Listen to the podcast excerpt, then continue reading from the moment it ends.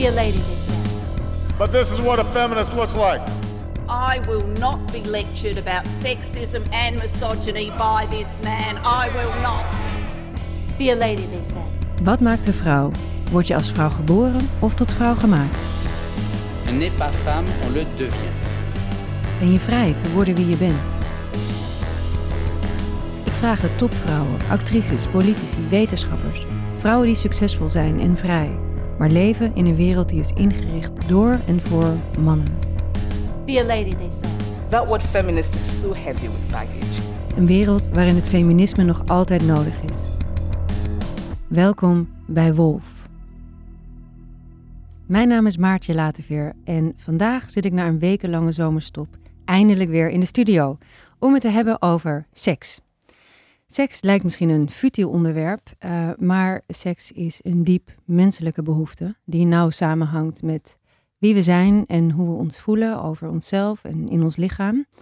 Goede seks kan ons doen voelen dat we leven, maar helaas is goede seks niet voor iedereen haalbaar. Er is ook veel onbevredigende seks, er is veel eh, ongewilde seks, ehm, pijnlijke seks, er is seksueel geweld. En van al deze dingen zijn vrouwen en meisjes vaak het leidend voorwerp. Dat maakt van seks ook een eh, onderwerp dat hoog op de feministische agenda staat. Ik praat daar vandaag over met eh, niemand minder dan Sanderijn van der Doef. Eh Sanderijn is psycholoog, seksuoloog en een internationaal expert en autoriteit op het gebied van seksuele ontwikkeling en voorlichting van kinderen en jongvolwassenen. Zij heeft een vragenrubriek in Eh, waarin lezeressen hun vragen over seks aan haar kunnen stellen. Maar haar focus ligt vooral op kinderen en jongvolwassenen. Ehm, ze schreef meerdere bestsellers over seksualiteit voor kinderen. eh, waaronder eentje met Ellen Laan, het lijfboek voor Power Girls, dat een van de lievelingsboeken is van mijn dochter. en eh, ze schreef de Engelstalige Caregiver's Guide to Communicating, Communicating About Love, Relationships and Sexuality with Children Under 12 Years Old. Want het is nooit te vroeg om te beginnen met seksuele voorlichting. En die heeft een andere titel, hè? Oh, dit, dit heb ik van je website. eh. Oh ja, die, dat klopt. Moet je dat even aanpassen? Ja. Maar voor Ja. even voor de luisteraars, wat is de goede titel? Ehm, dat is een eh, brochure die Ja. inderdaad op de website staat. Ja. En eh, eh, waar ik op doel zijn twee Engelstalige boeken die eh, di- af, dit jaar en vorig jaar zijn verschenen. Ja. En dat boek wat vorig jaar is verschenen, dat heet Can I Have Babies Too? Mhm. En dat is inderdaad voor caregivers van, voor, van kinderen van 0 tot 12 jaar. Mhm. Maar het is een heel boek, dus het is geen brochure of gids. folder. Geen Ja. guide, ja. Eh, en dit jaar is eh, het tweede Engelse boek verschenen en dat heet ehm, eh, Going Beyond the, the Talk. Oh, wat goed. Dat is dan voor caregivers, dus ouders, opvoeders, leerkrachten ehm, van pubers tot 18 jaar. Ja. wat goed. Ehm, nou, je bent al meteen begonnen. goed om te weten. We komen daar straks nog over te spreken waarom deze boeken zo belangrijk zijn. Waarom seksuele voorlichting zo belangrijk is. Ja. En eh, waarom dit ook vanuit feministisch oogpunt een belangrijk onderwerp is. Eh, maar eerst wil ik je graag welkom heten. Welkom. Ja. en ik wil je graag een persoonlijke vraag stellen waar ik al mijn opnames mee begin. En dat is de vraag, wanneer ben jij feminist geworden? En dan ga ik er dus even vanuit dat je dat bent. Of course. of course. Ja, wanneer? nou, ik, ik noem me overigens geen feminist. Eh, maar ik ga ervan uit dat eigenlijk, eigenlijk wel elke weldenkende vrouw in deze tijd min of meer feminist is. Mhm. Ehm, en wanneer, wanneer ben je je bewust dat je dat bent, ondanks dat je jezelf misschien niet zo noemt? Ehm, ik kan me herinneren dat ik ehm, eh, van mijn moeder op mijn veertiende, vijftiende, denk ik, eh, de boeken van Simone de Beauvoir kreeg. Ehm, Zo, ja, dat is jong. ja, en toen wist ik dus ook nog helemaal niet wat ik daarmee aan moest. Maar dat was een boodschap. Een boodschap die zij gaf. Hè? Mhm. Ehm, en dat vond ik dus, ja, eh, eh, ik heb ze toen opzij gelegd hoor. Dat, ik vond het ook allemaal veel te Snap moeilijk. En veel, heel ingewikkeld. ook. Heel ingewikkeld en eh, sloeg ook helemaal niet aan. Daar was ik ook niet mee bezig. En dan ben je op die leeftijd veel mee bezig met... eh, vinden anderen mij wel leuk of niet leuk Mhm. en dat soort dingen. Ehm, la, ik heb die boeken nog steeds. En later ben ik daar... ehm, nou, vanaf mijn twintigste ben ik daar... ehm 21ste eh, ben ik daarin gaan lezen, stukken in gaan lezen. Eh, dat, komt, dat gaat heen en weer. Je, je leest erin, je legt het weg, je Mhm. leest het weer en je legt het weer weg. En ehm, eigenlijk komt er dan steeds meer binnen. En nou, ik kan me niet herinneren, ik weet niet zeker of ik het wel helemaal van het begin tot het einde heb gelezen, want het zijn dikke pillen. Ja, ik weet niet of iemand in de studio hier dat... ik, ik, heb het, ik heb het ook bij verlagen gelezen. Ja, en, nou, en dan weer even niet en dan weer wel. En Precies, en volgens mij moet je het werk, zo is doen. Ja. Moet Er zitten ook zoveel thema's in. Hè? Het gaat Ja. en over opgroeien. Het gaat en over ja, hoe je je in je lichaam voelt. Het gaat over ouder worden. Het is echt een heel omvangrijk werk.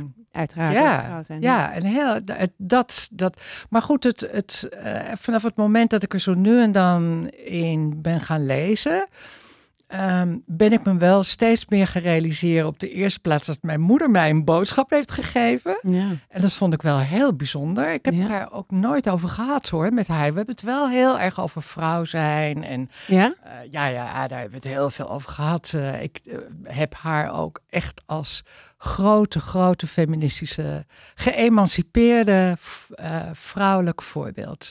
is zij voor mij. Ja, absoluut. Wat fijn om dat te hebben. Ja, en zij, Of, eh, dat neem ik aan dat dat fijn was. Was dat fijn? dat was zo heel erg fijn. Nou ja, je, je realiseert het je niet, want voor jou is het gewoon hè, als kind dat je moeder werkt en dat ze eigenlijk evenveel werkt ehm, als je vader. En dat haar eh, baan een passie is voor haar. Wat deed hij? Ze was journalist. Ja? Ja, Oh. voor de Volkskrant. Oh, grappig. Ja, en ehm, daarvoor moest zij ook zo nu en dan naar het buitenland. En dat deed ze. En later heb ik gehoord dat ze dat heel graag deed.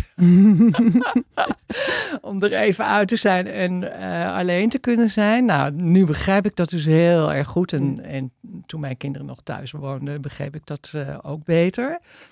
Toen vond ik het oké. Ja, weet je, het is iets wat bij je hoort. En, en wat je, waarvan je je niet gaat afvragen.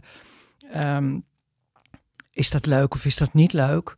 Ehm, dat is Nou, op dat moment misschien niet, maar ik kan me wel voorstellen dat je achteraf denkt: hé, hey, wat een groot geschenk eigenlijk dat ik als, als Ja. opgroeiend meisje zo'n voorbeeld heb gehad. Absoluut. Absoluut. Ja.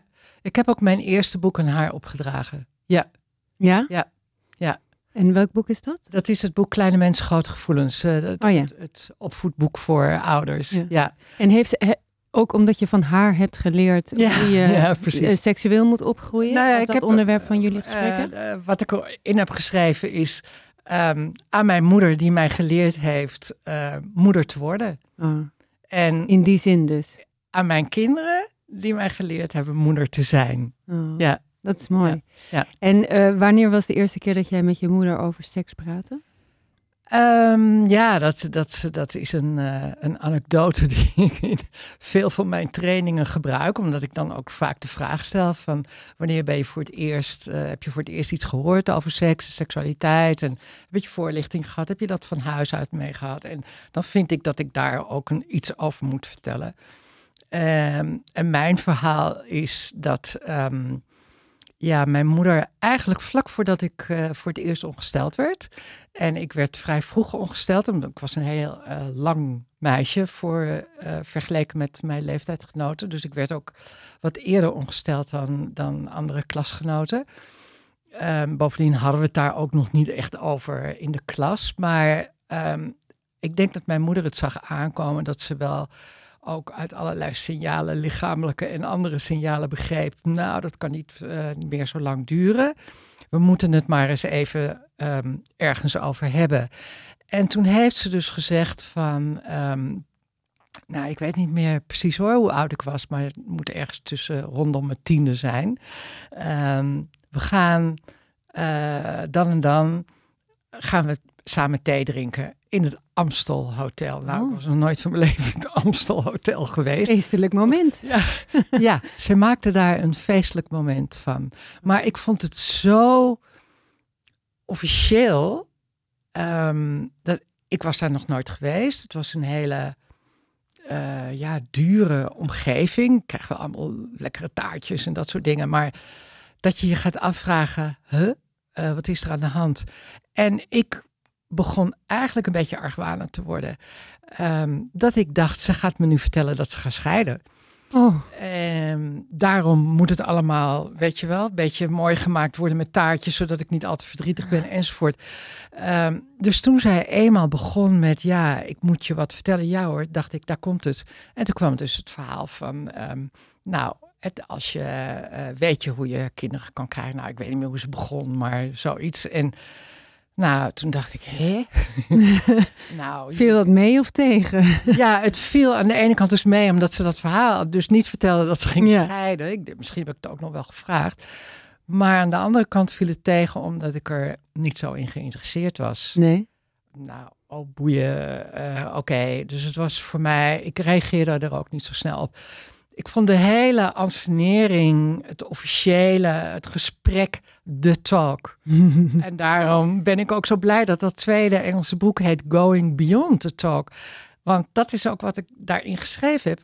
Het moet niet gaan over dat ene gesprek. Nee. Het, het is iets wat de hele dag door, ehm, eh, in de manier waarop jij met je kinderen omgaat, eh, waarop jij eh, voorbeelden laat zien in je gedrag aan je kinderen, daarin geef je al zoveel boodschappen mee. Ja. Ehm, dus die, dat ene gesprek, dat, is, dat, dat, dat, dat gaat meestal het ene oor in het andere oor uit, zoals het dus bij mij ging Ja. dat is dus zoals het gegaan is. En eigenlijk heb ik later mij voorgenomen, nee, zo, zo moet het niet. Nee. Zo wil ik het ook niet eh, met mijn eigen kinderen. En zo wil ik het ook niet overbrengen naar andere opvoeders. Ehm, probeer dat niet zo te doen. Dus, ik ben, nee, dus ja, ik ben heel benieuwd naar, naar hoe het dan wel moet Ja. volgens jou. Maar ik ben ook wel eigenlijk eerst benieuwd naar hoe je dat dan eh, doet in je, in, in je dagelijkse gedragingen. Ik heb, ik heb zelf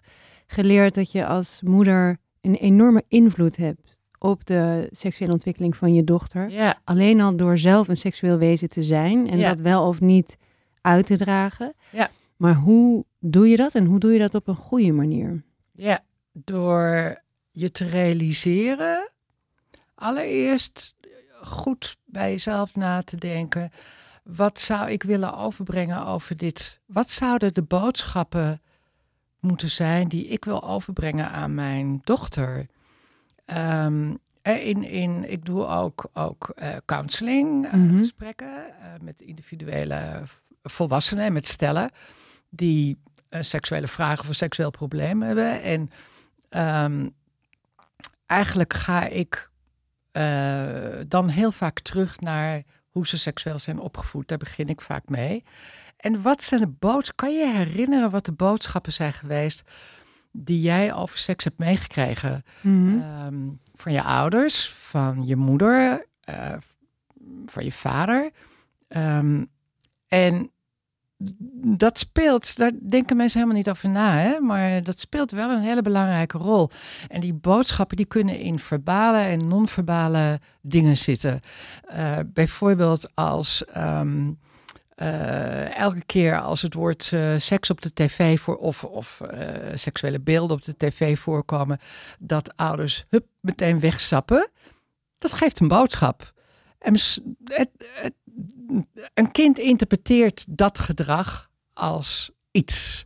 En hoe de, je, het kind het interpreteert, dat weet je niet. Maar het is wel goed om daarover na te denken. Maar ook als een kind, hè, je kan het, het kan ook op een veel duidelijkere manier. ehm, als een kind een vraag stelt over seks en het is nog heel jong. En jij denkt, nou, daar is hij nog veel te jong voor. En je zegt, nou, daar gaan we nog geen antwoord op geven. Daar ben je nog te jong voor. Is ook een boodschap, duidelijk. Geen vragen. Ben je nu nog te jong voor? Hoort niet bij jouw leeftijd. Mhm. Snap je dat? dat En is dat, is dat een, een goed antwoord of geen goed antwoord? dat zou ik geen goed antwoord Nee. vinden. nee, wat zou wel een goed antwoord zijn? Ja, als ik, ik- dat is, vind ik echt heel erg belangrijk. Dat je altijd, altijd antwoord geeft op de vragen van je kind. Hoe lastig dat ook is. Maar ja, Want dat vinden we lastig, hè? Waarom vinden we waarom dat zo vinden we lastig? het lastig? Omdat het over iets heel intiems, persoonlijks, intiems gaat. Waar je niet makkelijk met een ander over praat. En al helemaal niet met je kind. Want kinderen zijn daar nog niet mee bezig. Hè, is de Mhm. gedachte bij Ja. volwassenen. Bovendien vind je ook als opvoeder dat kinderen daar nog niets... Hè, die, die hebben eigenlijk nog niets te maken met jouw volwassen seksuele leven. Mhm. En zeker dan denk je nog niet met het seksuele leven van de, hun ouder, ouders. Ja, en dat, is, en dat is verkeerd, zeg je. Kinderen zijn daar wel al mee bezig. En ze zijn niet te jong om te praten over, Over, over seks, het- ook al hebben ze het nog niet. Precies. En er is een verschil tussen wat ze zelf voelen en wat jij voelt. Dus dat Mhm. verschil tussen volwassen en kinderseksualiteit. Dat is wat je je dan moet realiseren. En dat je het kunt hebben over wat zij voelen. En alle vragen die zij stellen over volwassen seksualiteit. Daar kun jij een antwoord op geven. Op een hele simpele, korte manier. Hoef je helemaal geen lang, eh Moeilijk niet naar de Amstel. niet uit Amsterdam. nee, maar ook niet in hele moeilijke wetenschappelijke woorden. Daar snappen kinderen helemaal niks van. Maar zodra een kind een vraag stelt, betekent het dat, dat, dat, het, dat het belangstelling heeft voor dat onderwerp. ja. En dat, je, dat, dat het daar dus een antwoord op verwacht. En dan mag je dus ook best zeggen van, nou, ik vind het best wel moeilijk om daar een antwoord. Jeetje, moeilijke vraag. Moet ik even over nadenken. Weet je, kom er straks op terug of zo. Nou, dan heb je even, als je het heel erg wel lastig vindt. Maar ja, ehm, je kan ook een aantal stappen. Je hoeft helemaal niet in details te gaan. Nee. En- Maar is het niet zo dat veel mensen, veel ouders zich zorgen maken? Dat ze denken, hé, maar hoezo vraagt mijn kind op driejarige leeftijd al dit soort vragen? Zou die over seks zijn of zou die te... Weet je, ik Ja. heb het idee dat veel ouders het ook moeilijk vinden, omdat ze niet zo goed weten wat wel en niet normaal is, even tussen aanhalingstekens. Ja.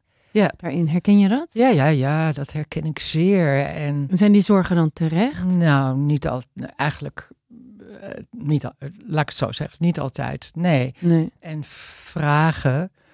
ehm, kijk, ik vind zelf dus bij wat voor vraag je kind ook stelt, ga ervan uit dat een kind dan van jou, daarom neemt het jou in vertrouwen en Hmm. stelt het jou die vraag. En dat het dan daarom ook een antwoord verwacht.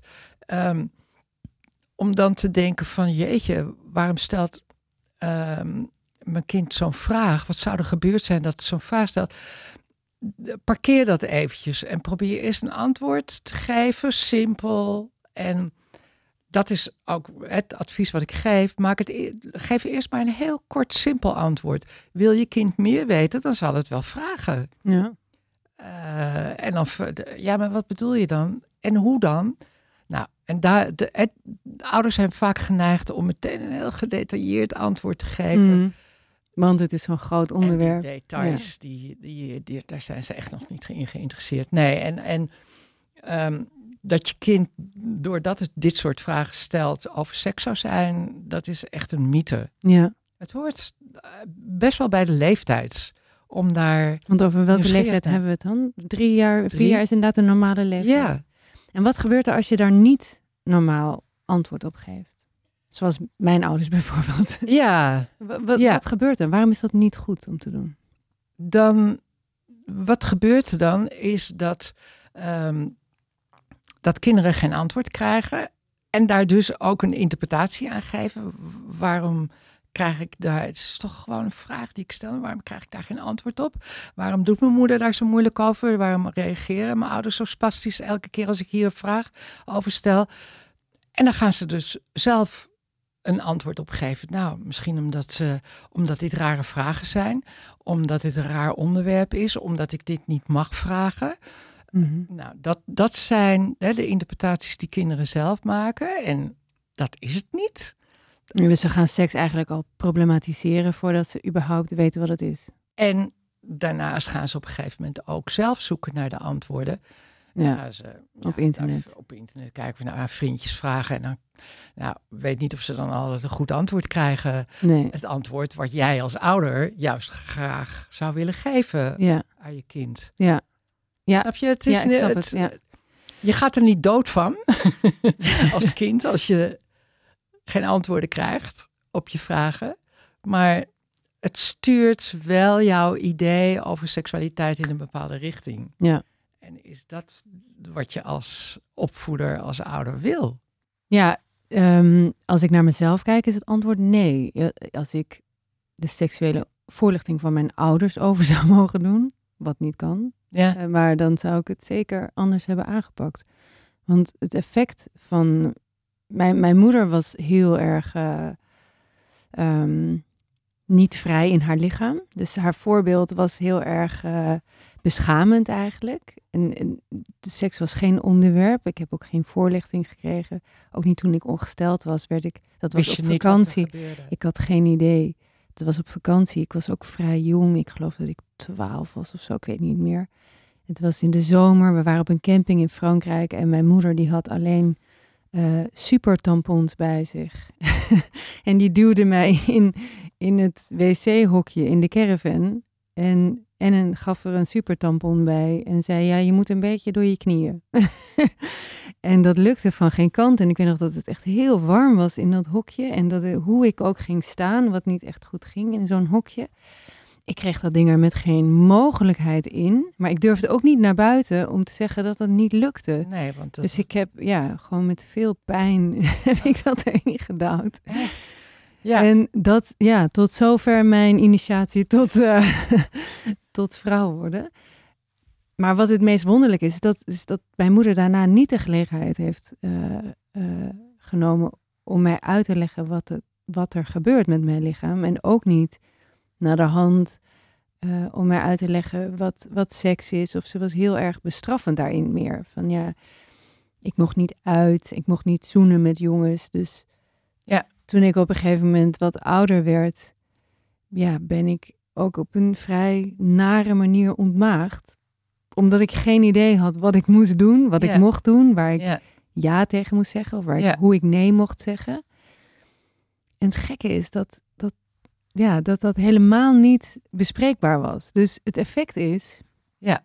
even in antwoord eigenlijk op mijn eigen Ja. vraag, het effect is dat een kind zich heel alleen voelt daarin. ja, ja. En, en ja, Ja. Dat, is, dat is heel erg zwaar om in je eentje je seksualiteit te ontdekken. Ja. En zeker als vrouw ben je dan geneigd toch om het, ja, om, om het op een negatieve manier uit te leggen. ja, van dit hoort zo. ja. En ja, dat zullen andere meiden en vrouwen ook wel zo hebben. En daar praat je dan maar niet over, want je bent ook niet gewend om daar met je moeder over te praten. Dus dan wordt het ook lastiger om daar Ja. met een ander over te praten. Ja, Dus even terug naar wat jij net zei over hè, dat je in je dagelijkse eh, gewoon handelen als moeder eh, al heel veel boodschappen. heel veel boodschappen geeft. ehm, en hoe je dat dan, eh, ja, hoe je daar op een goede manier mee om kunt gaan. Zei je, ja, je moet je afvragen hoe je, ja, wat, wat de boodschap is die je uit wil dragen, maar ook hoe je zelf met je seksualiteit omgaat. Maar Ja. stel dat dat nou niet een vrije manier is. Ja. En je bent je daarvan bewust Ja. als vrouw. En je, je, je, je neemt je voor. eh, ik ga dit, dit- anders doen. precies. Ja, En zoals ik met is- mijn dochter. Ja. Dit is niet wat ik aan mijn kind Ja. zou willen duidelijk maken. Dan betekent het dat je, dat je je in ieder geval bewust bent van: oké, ik wil toch proberen om andere boodschappen verbaal. Mhm. Hè, dus wel praten met je kind, hoe lastig het ook is. ja. Ehm, maar ook non-verbaal. Dat ik er toch op let dat ik wat minder beschamende of, of ehm, ja, ehm, eh, het, het, het embarrassing eh, gedrag laat zien dan eh, waar, waar ik toe ik geneigd ben als dat soort Mhm. vragen er komen. Eh, het, het, je bewustzijn is eigenlijk al de grootste stap die je moet nemen. ja. En dan merk je dat je dat je, je daar ook. het- Dat je andere dingen. Oké, ik, ik moet nu laten zien dat ik. Wat er nu op de tv gebeurt, dat ik dat niet allemaal. Nee, niet meteen. Ja. Maar oké, Ja, Eh, wat vind je ervan? ja, ja. Eh, nou ja, dat is, dat is eigenlijk het grote verschil. En dat is dus beyond the talk. En dat is Beyond the Talk. De hele dag door geef je boodschappen Ja. over seks, over relaties, wat heel erg met elkaar te maken he- heeft. En wees je daarvan bewust. Ja, De manier waarop jij je partner begroet als die thuis komt, hè, waar mensen zich niet van bewust zijn, geeft een boodschap aan je kinderen. Dit is hoe je met je, de, de, met je geliefde met je omgaan. geliefde Ja. omgaat. En hoe ging dat bij jullie thuis? Beyond the talk, na Ja. dat gesprek in het Amstel Hotel? Ja, nou ja, de, de, mijn ouders hadden wel een hele liefdevolle relatie. ehm, maar wel een hele traditionele. Nou ja, traditioneel tot op zekere hoogte. Omdat mijn moeder dus wel Werkte? Ja. gewoon werkte en keihard werkte. En mijn vader ook. Maar mijn moeder zorgde wel voor het eten. Daarnaast ook nog eens. Hè? Ja. En ehm, ja, die, die, ehm, mijn vader kwam later thuis eh, van zijn werk. En dat eh, dan, wat ik me een heel duidelijk beeld, dat als mijn vader, dan waren wij klaar met eten en dan pas kwam mijn vader thuis. En dan gingen wij huiswerk maken en buiten spelen. En dan kwam mijn vader thuis en dan ging mijn moeder samen met mijn vader ehm, eten. Oh ja? En waarom kwam hij later thuis? Ja, Deed hij heel belangrijk werk of zo? Helemaal Bestuurde hij een land of eh, wat deed hij? Zou je denken? nee, ik denk, dat is dus de boodschap. Ik weet het niet, maar de boodschap die ik ervan gemaakt heb, dit is mijn interpretatie. Omdat hij geen zin had om, met de zijn kinderen te kinderen. Wij waren te druk en ehm, nou, had hij even geen zin in. Na zijn, na zijn drukke werkdag eh, wilde hij gewoon rustig zitten. En Ja. Nou ja, dat vind ik traditioneel. Ja, want je moeder wilde dat misschien ook wel. Ja, Het precies. is toch jammer dat je nooit met haar over die boeken van Simone de Beauvoir hebt Ja. gepraat. Jammer, hè? Ja. Ja. zeker. Maar hoe heb jij eh, zelf je seksuele ontwikkeling daarna ervaren? Ja, dat, dat ehm, is eh, een beetje. eh, nee, ik ben eh, puber in de, tijdens de seksuele revolutie Mhm. geweest. Dus ja, dan maak je het wel op een speciale manier mee. Kreeg je die mee inderdaad, de seksuele revolutie ja. als... Ik woonde in Amsterdam. Oh ja. Ben opgegroeid in Amsterdam. Ik ben er niet geboren, maar wel al, al vrij snel eh, verhuisden wij naar Amsterdam. Dus ja, ik bedoel, alle eh, eh, flower power dingen, ja, dat, dat maar heb ik dus in Amsterdam. Eh, Maar hoe en- ging dat dan? Waren er ook, eh, gingen mensen de barricade op? Eh, waren er Nee, maar ik heb, demonstraties? eh, ja, de, de, ehm, nou, ik weet nog wel dat ehm, hè, mijn ouders kwamen wel uit een traditioneel nest, alle twee, maar ehm, ja, er was van alles te zien op de tv. Hè? De, Mhm. de, de Fred Haché show, eh, hartstikke spannend. eh. Dat is de Fred Haché. ja. Oh ja, Dit zegt mij niks. veel bloot. Oh, echt? Met veel bloem. De, zeg je dat wat? Nee. Ook niet. Nee. Oh, wat grappig. Ja. nou, veel bloem. Ik ben een kind van de jaren zeventig. hè? Ja, Dat is net, eh, ja, nou ja, dat, dat gebeurde volgens mij in de jaren zeventig, dacht ik. Eind jaren zeventig ben ik. Ja, ja oké. Nou, toen was, je, eh, toen was je nog niet. En Phil Bloem was de eerste vrouw met die ehm, met blote borsten op de tv kwam. Oh. En dat was dus in die, dacht ik, Fred Haché show, waar altijd Oh ja, ja. vaak eh, ehm, nou, het, eh, blote vrouwen er doorheen, eh, door het beeld heen kwamen. En iedereen zat aan de buis gekluisterd, want dat was natuurlijk heel spannend. En Phil Bloem zat ehm, op een stoel, eh, helemaal bloot, met nou, de, de, de, de hippie haar, lang haar. En eh, ze zat de krant te lezen. Dus ze was bedekt hè, door die krant. En aan het, eh, dus de camera ging daar langs. En op een gegeven moment doet ze de krant dicht. En vouwt hem op en legt hem weg. dus is zo.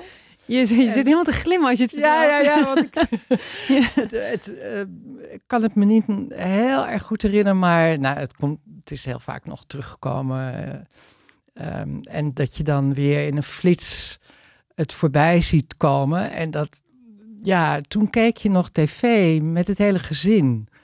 Ik Ja. weet helemaal niet of dat tegenwoordig nog gebeurt. Maar TV, wat is dat? ja, precies. En ja, toen deed je dat dus nog. Dus dat is wat ik me nog wel herinner. Dat ik met, een, dat me, met mijn ouders en dat die.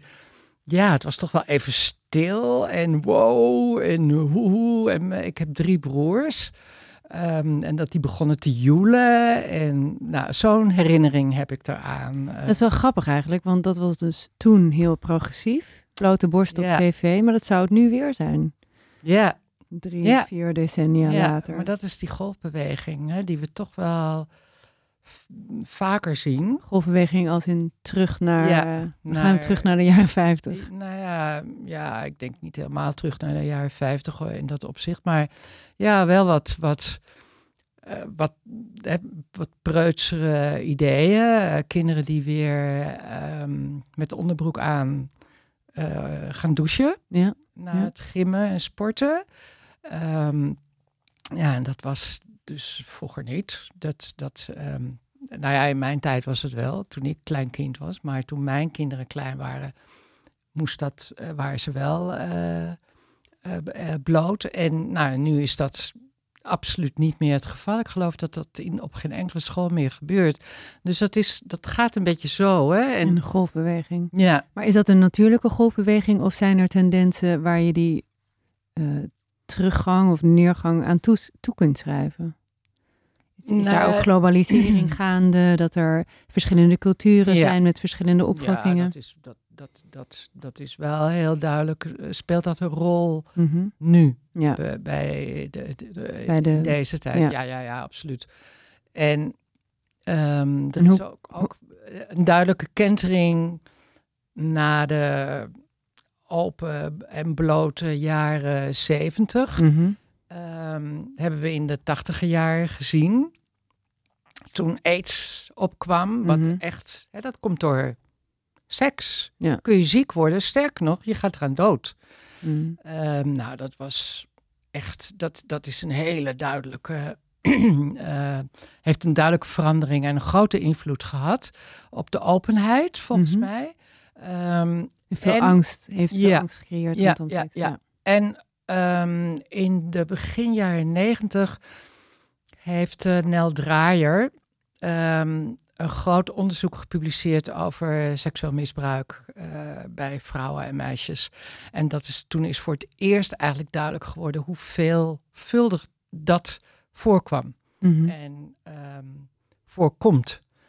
En dat is nooit zo openlijk eh, gepubliceerd en in de media gekomen. En dat heeft ook een kentering teweeggebracht. Want toen kreeg je, en daarvoor had je voorlichtingsprogramma's, nou ja, of eh, niet op de tv, maar meer op de scholen die heel open waren. En ik heb nog een voorlichtingsboek, wat ik niet zelf heb gebruikt, maar wat iemand mij gestuurd heeft uit de 70 jaren.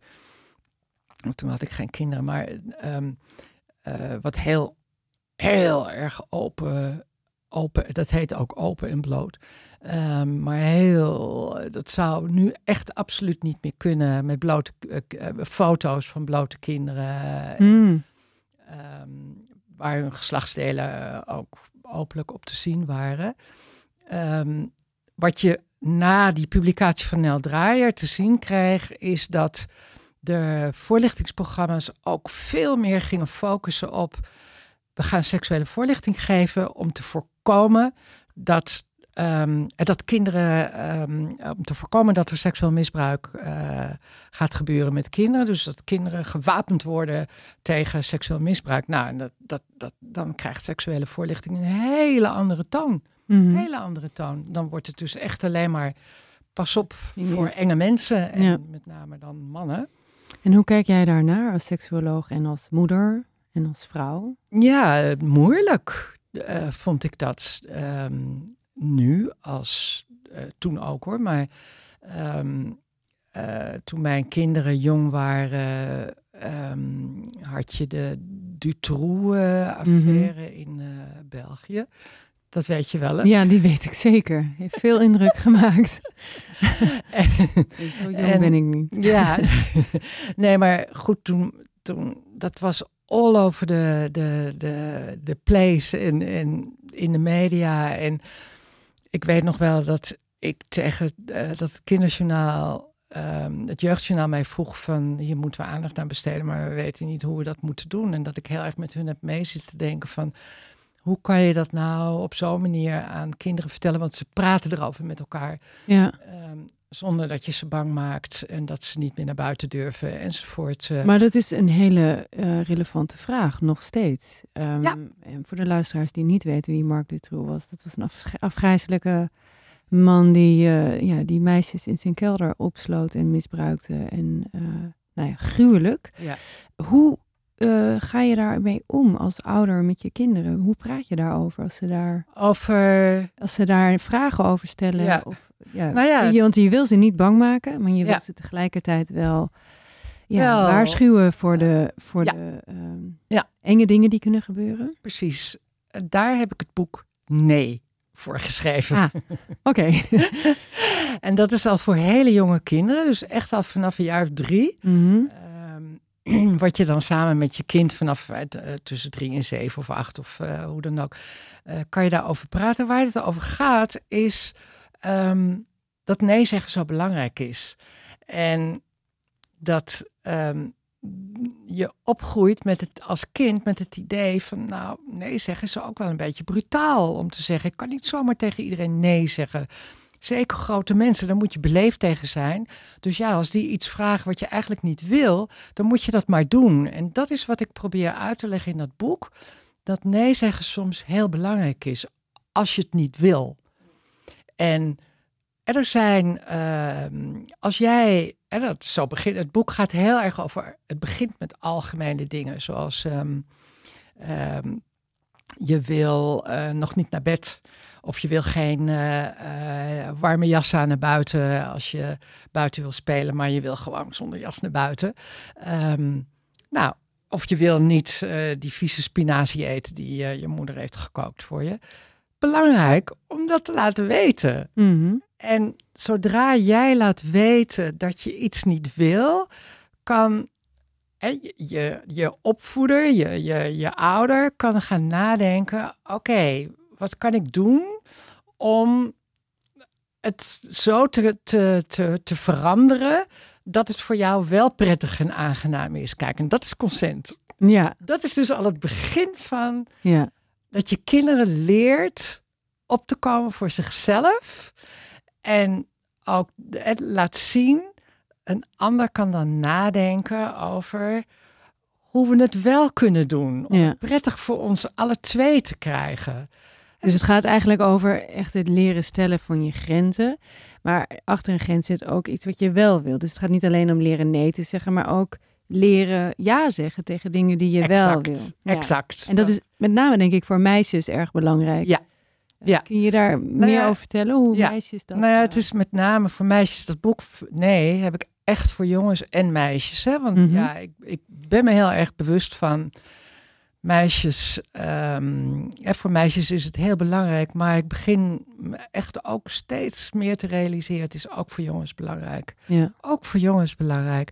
Het boek wat ik. Om dezelfde reden? Of, Ehm, zelfde reden, maar ook, ja, veel dezelfde redenen. Maar ook bij jongens, hè, jongens worden ook heel, eh, worden toch, hoe je het ook bent of verkeerd. Hè, we proberen eh, gelijkwaardig op te voeden.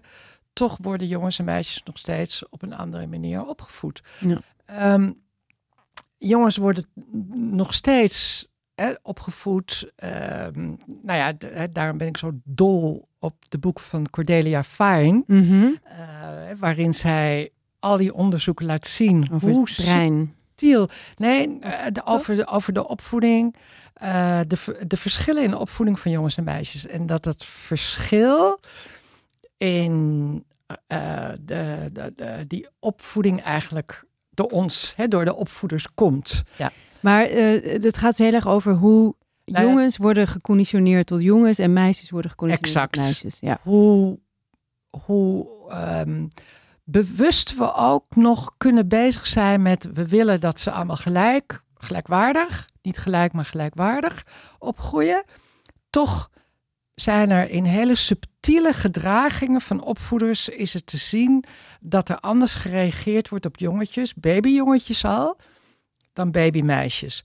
Eigenlijk begint dat verschil al met uh, ja, vanaf de geboorte dat uh, jongens en meisjes gewoon verschillend aangekleed worden. Meisjes lieftallig, mm. uh, roesjes, strikjes, kantjes, sieraden.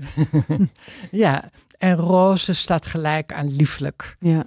En jongens uh, worden stoer. Ja. Um, uh, nou ja, dan zijn, in het Tropenmuseum zag je ook allemaal foto's van babyjongetjes die al in een legeruniformpje. waar, legerrompertje. Ja. maar wat heeft dit voor een effect op, op de seksuele ontwikkeling van kinderen? Nou, dat ze dan al van jongs af aan begrijpen: ik ben een jongetje, ik ben een meisje en ik hoor me dus zo te gedragen. En ik hoor me zo, uh, ik hoor er zo uit te zien. En ik hoor, um, ik hoor dit te doen en dat te doen. En dat heeft grote invloed op de manier waarop mannen en vrouwen, jongens en meisjes eh, met elkaar interacteren. Mm -hmm. uh, als je als jongetje leert dat je dat het uh, goed is uh, om initiatief te nemen, de eerste stap te nemen, dominant te zijn, de controle te hebben, de baas te zijn, dan zul je dat ook in een relatie doen. Zul je dat ook in een seksuele relatie doen. En verwacht je dat, hè, dan heb je ook diezelfde, maar dan de tegenovergestelde verwachtingen van de partner. Mm -hmm. um, en dat heeft wel degelijk invloed op de seksuele ontwikkeling. Ja, en daar is eigenlijk weinig oog voor. Hè? Ik heb uh, hier een aantal jaar geleden met Ellen Laan over gehad. Je kent haar ook. Daar heb je ja. uh, lijfboek voor Power Girls ja. mee geschreven. Ja. Ellen Laan, voor de luisteraars, is, uh, was een geweldige vrouw, seksuoloog, een seksueel feminist met een missie. alle vrouwen klitbewust maken, als in dat ze hun eigen genot voorop stelden. Ja. Helaas is zij op 22 januari uh, jongsleden overleden aan de gevolgen van kanker. Maar haar missie was nog niet af. Hè? Daar, daar komen we straks nog even op. Maar ik moet er nu aan denken dat ze in een van onze allereerste gesprekken die ik met haar had over een boek wat ik over seks heb geschreven, over vrouwen en seks. Daarin, uh, daarvoor sprak ik haar en toen hadden we al meteen in dat eerste gesprek eigenlijk het ook al over jongens. En zij zei, volgens mij doen we jongens en mannen ja. ontzettend tekort. Ja in deze wereld. Ja. Door ze inderdaad zo op te voeden met het beeld, je moet dominant zijn en. Nou ja, pakken wat je... En je moet het initiatief nemen. Ja, precies. Ja, En hoe, hoe is dat nu? helemaal mee eens. Helemaal mee eens. Wat gebeurt er met jongens als ze zo worden? Wat, wat missen ze? Wat ze missen is luisteren naar wat ze voelen. Ja. En dat, dat wordt meisjes heel erg geleerd. Hè? De lief te zijn, ehm, eh, naar je gevoel te luisteren. Naar je gevoel luisteren is sowieso al heel vrouwelijk. Hè? Wordt als heel vrouwelijk gezien. Terwijl dat eigenlijk een hele goede eigenschap is, omdat jonge kinderen dat, dat eigenlijk van nature al doen. En dan wordt het afgeleerd. Zo op Bij jongens. moment. Ja, bij jongens en een beetje Zeker bij bij meisjes. Ja. Ja. Maar Eh, als je niet contact kunt maken met je gevoel, wat heeft dat voor een effect op je seksualiteit? Hoe belangrijk is het eigenlijk om... Omdat als je niet ehm, goed kunt voelen, kun je ook niet weten wat je wil en wat je niet wil. En ga je dus een een, script volgen? een precies en ga je je gedragen volgens een patroon, volgens voorbeelden, volgens dingen waarvan jij denkt dat het zo hoort. Terwijl ehm, er ook ontzettend veel ehm, ja, rijkdom zit in ehm, luisteren naar wat je voelt. Maar dat, dat, als ik daar met sommige mannen over praat, dan merk je dat ze dat heel moeilijk vinden. Ja. Zo'n uitspraak als luister naar je gevoel. Maar wat is dat dan? Hoe Ja. doe je dat dan? En waar zit dat dan? Waar, waar in mijn lichaam moet ik dan luisteren? Nou, dan merk je al dat, dat ze dat helemaal verleerd zijn, al van jongs af aan. Het betekent ook, en dat is ook wat vrouwen meer doen, of meisjes meer doen, en vrouwen ook dan jongens, is luisteren naar een ander. En hè, dus signalen oppikken van een ander. Ehm, En dus eigenlijk verbinden met een ander. Echt ook. Ja, dat, dat, dat is verbinden. Ja, maar ook het, het ehm, eh, er niet meteen van uitgaan dat, ehm, oké, ik bepaal de route, ik bepaal de stappen. eh, want ik ben een jongen en ik ben een man, dus ik neem het initiatief en ik neem de eerste stap. Dus dat betekent dat jij eigenlijk de route bepaalt. Ehm, zonder te luisteren en te kijken en te checken bij de ander wat die nou eigenlijk wil. Dat is iets, en dat is empathie. Ja. En dat empathie, dat wordt ontwikkeld bij kinderen zo hè, vanaf het vierde jaar. En dat neemt een hele lange ontwikkelingsperiode in beslag. Mhm. Maar wat we zien is dat het bij jongens, ehm, ja, wordt het steeds meer afgekapt. En bij meisjes ontwikkelt dat zich steeds beter door. Die zijn heel beter in staat om hele subtiele signalen op te pakken Ja. dan, dan jongens. Eh, ja, en dat is ook, eh, je zegt dat heeft duidelijk te maken met de opvoeding. En dat is eigenlijk ook logisch, want empathie is gewoon ook een, ja, als een spier in je hersenen. Als je die niet traint, dan. Ja, Ja, dan, nou ja, dan- er zijn wel, er zijn eh, een groep de kinderen en, en jongeren, volwassenen, die daar minder, hè, de ene is daar beter toe in staat dan de ander. Ja. En dat komt niet alleen maar door dat oefenen en trainen. Ehm, de- de, kinderen en mensen binnen het autistisch spectrum, Mhm, die hebben daar grote moeite mee. mhm. En die moeten. Het betekent niet dat eh, dat, dat nooit. Eh, het- bij sommigen is het misschien vrij onmogelijk, maar een grote groep van deze groep Mhm. kan dat tot op zekere hoogte leren. Ja. Ehm, maar dat, daar moet dus moeite voor gedaan worden. Ja, ja ehm, nu eh, kun je ook voorstellen dat als mannen dat niet leren en dus vanuit die gedachte, ik moet initiatief tonen en ik moet eh, Ja. ehm, de route leiden en daardoor minder empathisch zijn, kun je hè, logischerwijs veronderstellen dat er dan grensoverschrijdend gedrag makkelijker Ja. plaatsvindt. Ja. En daar is natuurlijk heel veel over te doen nu. Ja. Ik las eh, dat Spanje is nu de laatste in de rij van landen die ehm, een wet heeft aangenomen Ja. waarin eh, gesteld wordt dat seks expliciete toestemming moet hebben en anders is het verkrachting.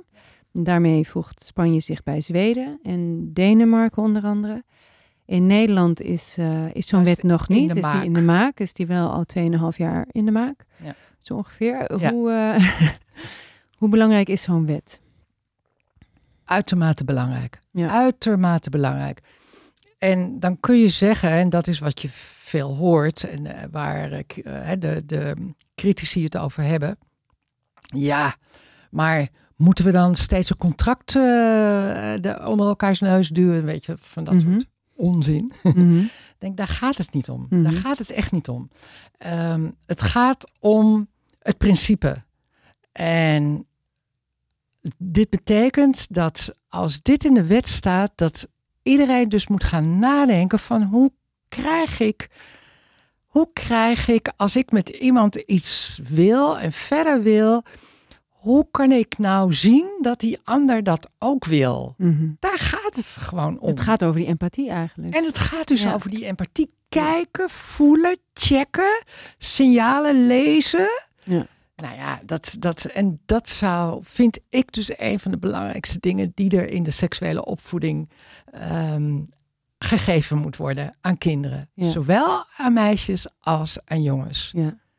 Dat is ook beyond the talk. Er moet gewoon Exact. actief moet er worden, worden gelet op je bewustzijn van anderen. Exact, en dat is dus wat jij als ouder ook bij een kind kan doen. Dat Ja. je kan zeggen van, een kind zegt, het wil niks, zegt niks, zegt nog geen nee, omdat het dat moeilijk vindt om nee te zeggen. Jij als ouder kan dan al zeggen, ik zie dat je het heel erg moeilijk vindt en dat je het lastig vindt. Wil je dit liever niet? Zeg het maar. Wat, wat zou je willen? Laat een kind, het, train een kind in het nadenken over wat hij wil en niet wil. Wat dat betreft hebben wij, vind ik, in Nederland en westerse culturen een hele mooie cultuur. Dat wij kinderen heel jong al keuzes aanleren. Wil je pindakaas of wil je Mm. eh, hagelslag op je brood? Nou, en vroeger vonden we dat, eh, ik kan me nog herinneren, mijn ouders eh, dat allemaal heel raar vonden toen ik dat deed. Maar het is wel een mooie manier om kinderen te laten nadenken over wat ze willen. Ja. Ik heb heel veel in ehm, eh, andere landen gewerkt en tot corona heel veel in China. Ehm, wat een, een cultuur is waar ouders hun kinderen regels opleggen. En dat is niet alleen in China hoor, dat is ook in eh, andere eh, Mhm. landen. Maar die krijgen dus niet de keuze van wil je dit voor je ontbijt of wil je dat voor je ontbijt. Nee, dit eet je, naar die school ga je, die kleren trek je aan, dit eh, huiswerk moet je doen en dat gaat door en met die partner ga jij Ja, ja, trouwen. ja. En dat betekent dat er dus een dat er dus kinderen opgroeien die helemaal niet weten wat ze wel en niet willen. Die het ook heel volwassenen die het heel lastig vinden om te bedenken. En want ik heb daar heel veel trainingen gegeven in China over vrouwelijke seksualiteit, ehm, eh, maar ook over seksuele voorlichting. En dan merk je dat de deelnemers zeggen: Ja, maar ik weet gewoon niet zo goed wat ik dan zelf wil. Ik doe wat mijn man Ja. me vraagt. Waarom is dat voor vrouwen ook zo moeilijk? Want we hadden het net al over hè, dat mannen niet wordt geleerd om ja, eigenlijk in te checken bij zichzelf wat ze voelen. Vrouwen wel, meisjes wel. Maar toch zijn er veel vrouwen die in jouw libelle-rubriek vragen... hoe, hoe kom ik in godsnaam klaar bij mijn partner? Want Ja. het lukt niet. Eh, Ja. ehm, wa- waarom is dat voor vrouwen zo ja, moeilijk? omdat ze dus niet zo zijn opgegroeid. Om, om met betrekking tot het onderwerp seksualiteit na te denken over wat ze zelf willen en leuk vinden Mm. en lekker vinden. En, tot aan, en ik mag hopen dat deze gene- generatie van de, de jongste generatie het beter gaat doen. Ehm, maar de meeste kinderen, maar met eh, meiden, groeien niet op en krijgen geen seksuele voorlichting in de zin van denk eens na wat jij Hmm. lekker vindt en niet lekker vindt. Ehm, nee, je groeit op met en je krijgt voorlichting in de zin van zo gaat het. Als je seks hebt, dan gaat het zo. Dan gaat er een penis in een vagina en dan gaat het wat heen en weer. En sommige mensen vinden dat heel erg leuk en lekker. En dan komt de man klaar. Dat wordt er dus gezegd. Dat, dan is de seks voorbij. En dan wordt er een kindje gemaakt. Ja, Ja. ja. Dus het nadenken, dat, dat aspect is zo belangrijk om toe te voegen aan een seksuele voorlichting. Ja. Maar dat kan je in, niet alleen maar in de seksuele voorlichting, het is, dat kan je dus in, in, in het, de hele opvoeding brengen. Wat wil jij? ja. Kom op voor jezelf. En Ja, en ook, en ook eh, ken je lichaam. Hè? Dat is waar Ellen natuurlijk Ja. ook zo mee bezig was. ja, Eh, dat is waar haar klitkundige voorlichting eigenlijk zo Ja. tijd mee vandaan kwam. Van de vrouwen weten ook niet hoe het werkt. En hoe, dat je inderdaad ook een orgasme kunt krijgen eh, op bepaalde of verschillende manieren. En hoe je vulva eruit ziet. Ja. Ehm, dat is natuurlijk waar de voorlichting ook in tekort schiet. Ja. Ehm, ja, Ellen is er niet meer, eh, maar haar missie is nog niet volbracht. Wat moet er nog, wat moet er gebeuren om deze, eh, nou ja, toch, omissie van de geschiedenis te herstellen? Wat, wat, wat moet er gebeuren? Behalve dan die wet die in de maak is. Eh, ja, sowieso de bredere en, en betere seksuele voorlichting. Mhm. Nou, de, Rutgers, het, het, ehm, ehm, het, het, het kenniscentrum seksualiteit hier in Nederland, doet daar heel veel aan. Ik bedoel, die zijn ook op een hele goede manier ook bezig met die eh, positieve seksuele voorlichting. Het ook breder te maken. Ehm, ook, eh, het, het, gebeurt wel, maar ehm, ja, wat moet er dan nog meer gebeuren? Het, We hebben de MeToo-beweging. ja, die heeft heel veel losgemaakt. Heeft heel veel losgemaakt. En Nog steeds. ja, nog steeds. Gaat dat de maar- goede kant op? Ja, maar goed, daar komen ook wel. Dat heeft er ook wel zijn. Het, het heeft natuurlijk. Het is, dat is verschrikkelijk en naar waarom die beweging heeft moeten ontstaan. Maar het heeft ook positieve gevolgen gehad. Dat, dat vrouwen, maar ook mannen, zijn gaan nadenken over. Wat moet ik doen om het voor ons alle twee leuk te krijgen? Als ik het leuk vind, hoeft dat niet te betekenen dat zij of hij het ook leuk vindt. Dat is dus weer die empathie. Maar wat je misschien bij andere dingen die je met z'n tweeën doet wel bedenkt. Van nou, zullen we naar dat film gaan? Heb jij daar zin in of geen zin in? Maar waarom vraag je je dat soort dingen niet af als je seks hebt? Van het gekke is dat het debat over MeToo niet hierover gaat. Het debat over MeToo gaat heel erg over schuldigen en daders. Ja. En misschien een beetje Ja. over... Ja. eh, maar dat, God, wat voor mij heeft het dat wel losgemaakt. Ja, Dat mannen zijn gaan nadenken, of sommige mannen, ook niet alle mannen, maar dat in jouw praktijk zie je dat. Ja, Ja. en mannen in mijn omgeving, dat, dat die zijn gaan nadenken over, hmm, ehm, eigenlijk nooit zo bij nagedacht. Of, of dat wat ik leuk vind, eh, dat dat misschien een ander helemaal niet zo leuk vindt.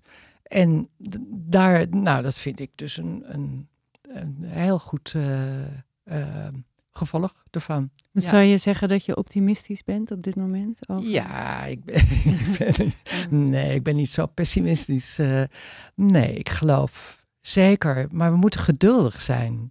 We moeten geduldig zijn, ehm, maar wel het, het, het, het gedachtegoed van Ellen is ongelooflijk belangrijk om dat te, te promoten, te koesteren, eh, voor te zetten.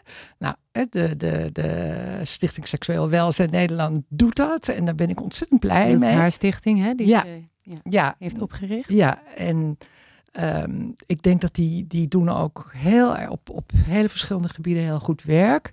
Ehm, er is een hele nieuwe jonge generatie ehm, eh, seksuele voorlichters opgekomen die ehm, op een hele eh, goede manier over seksuele voorlichting denken. Prima. ehm, de seksuele voorlichting op scholen. nou, daar mag nog wel wat meer aan gedaan worden, maar het, het, het is niet dat het niet het, in de wet staat. Dat is wel een dilemma hoor, waar ik een beetje mee zit. Van, zouden we het niet gewoon verplicht moeten stellen? De seksuele Goede seksuele voorlichting. Ja. Ja. En Nederland is niet zo van het eh, verplicht stellen Nee, en eh, wettelijk verplicht stellen. Maar je ziet dat dat ehm, in landen waar dat wel is gebeurd, dat dat wel eh, positieve gevolgen heeft eh, gehad. En eh, nou, Nederland doet dat op een andere manier. Hè. Die eh, formuleert kerndoelen voor het onderwijs. En dan moet een, mag een school er zelf voor, voor kiezen hoe die zo'n kerndoel invult. Nou, eh, en dat gaat niet altijd op, op de ene school doet er heel veel aan en de andere school niet. Maar ik denk dat die dat dat nog wel wat steviger mag. Ja. En wat, wat ehm, dat dat wat meer ja, verplichting, het woord mag ik niet noemen, maar Meer gecontroleerd ook. ja, en ja. nou, het is mooi dat je dat zegt. Meer gecontroleerd in de zin van. Eigenlijk weten we nog maar weinig over de kwaliteit van de seksuele voorlichting op scholen. En dat is raar, want eh, wij, lopen, wij zijn heel erg voorlopers hè, in Nederland op het gebied van seksuele voorlichting. En als ik dan in andere landen kom, we- wordt er ook wel eens aan mij gevraagd van hoe ehm, monitoren jullie die kwaliteit van leerkrachten? Nou, eh, nee, dat gebeurt dus niet. Nee. We laten ze toch best wel aan een lot over, maar ook Ja. van ja. Dus de boodschappen die er gegeven worden, daar zijn we niet, ons niet heel erg van bewust. Nee. Het, het, het opvoeden van meiden, het sterker maken van meiden in de seksuele voorlichting, dat gebeurt er maar misschien wel, maar tegelijkertijd moeten we die jongens ook meenemen Ja. daarin. Ja, en ehm, scholen hebben daar ook behoefte aan, hè, blijkt uit onderzoek. Er is een peiling van Rutgers waaruit blijkt dat docenten aangeven dat er te weinig goede seksuele voorlichting is, met name in de bovenbouw. En de, de, En- de jongeren zelf, hè? Eh, ook ja, hebben- en de jongeren zelf dat ook. Oh ja. Ja, Ja. Dus er, is gewoon, er ligt gewoon een concrete vraag eigenlijk vanuit scholen. Dus je zou, Ja. je zou willen dat de overheid daar iets mee doet. Ja. Nou ja, jij doet er in elk geval wat aan. Ehm, ja, ik zou uren met je door kunnen praten. Ik zou het ook heel graag met je willen hebben over, nou ja, over jouw seksleven. En daar hebben we het namelijk helemaal niet over gehad. En eh, hoe, het, eh, hoe, hoe seks evolueert als je ouder wordt. Maar misschien kunnen we dat een volgende keer doen.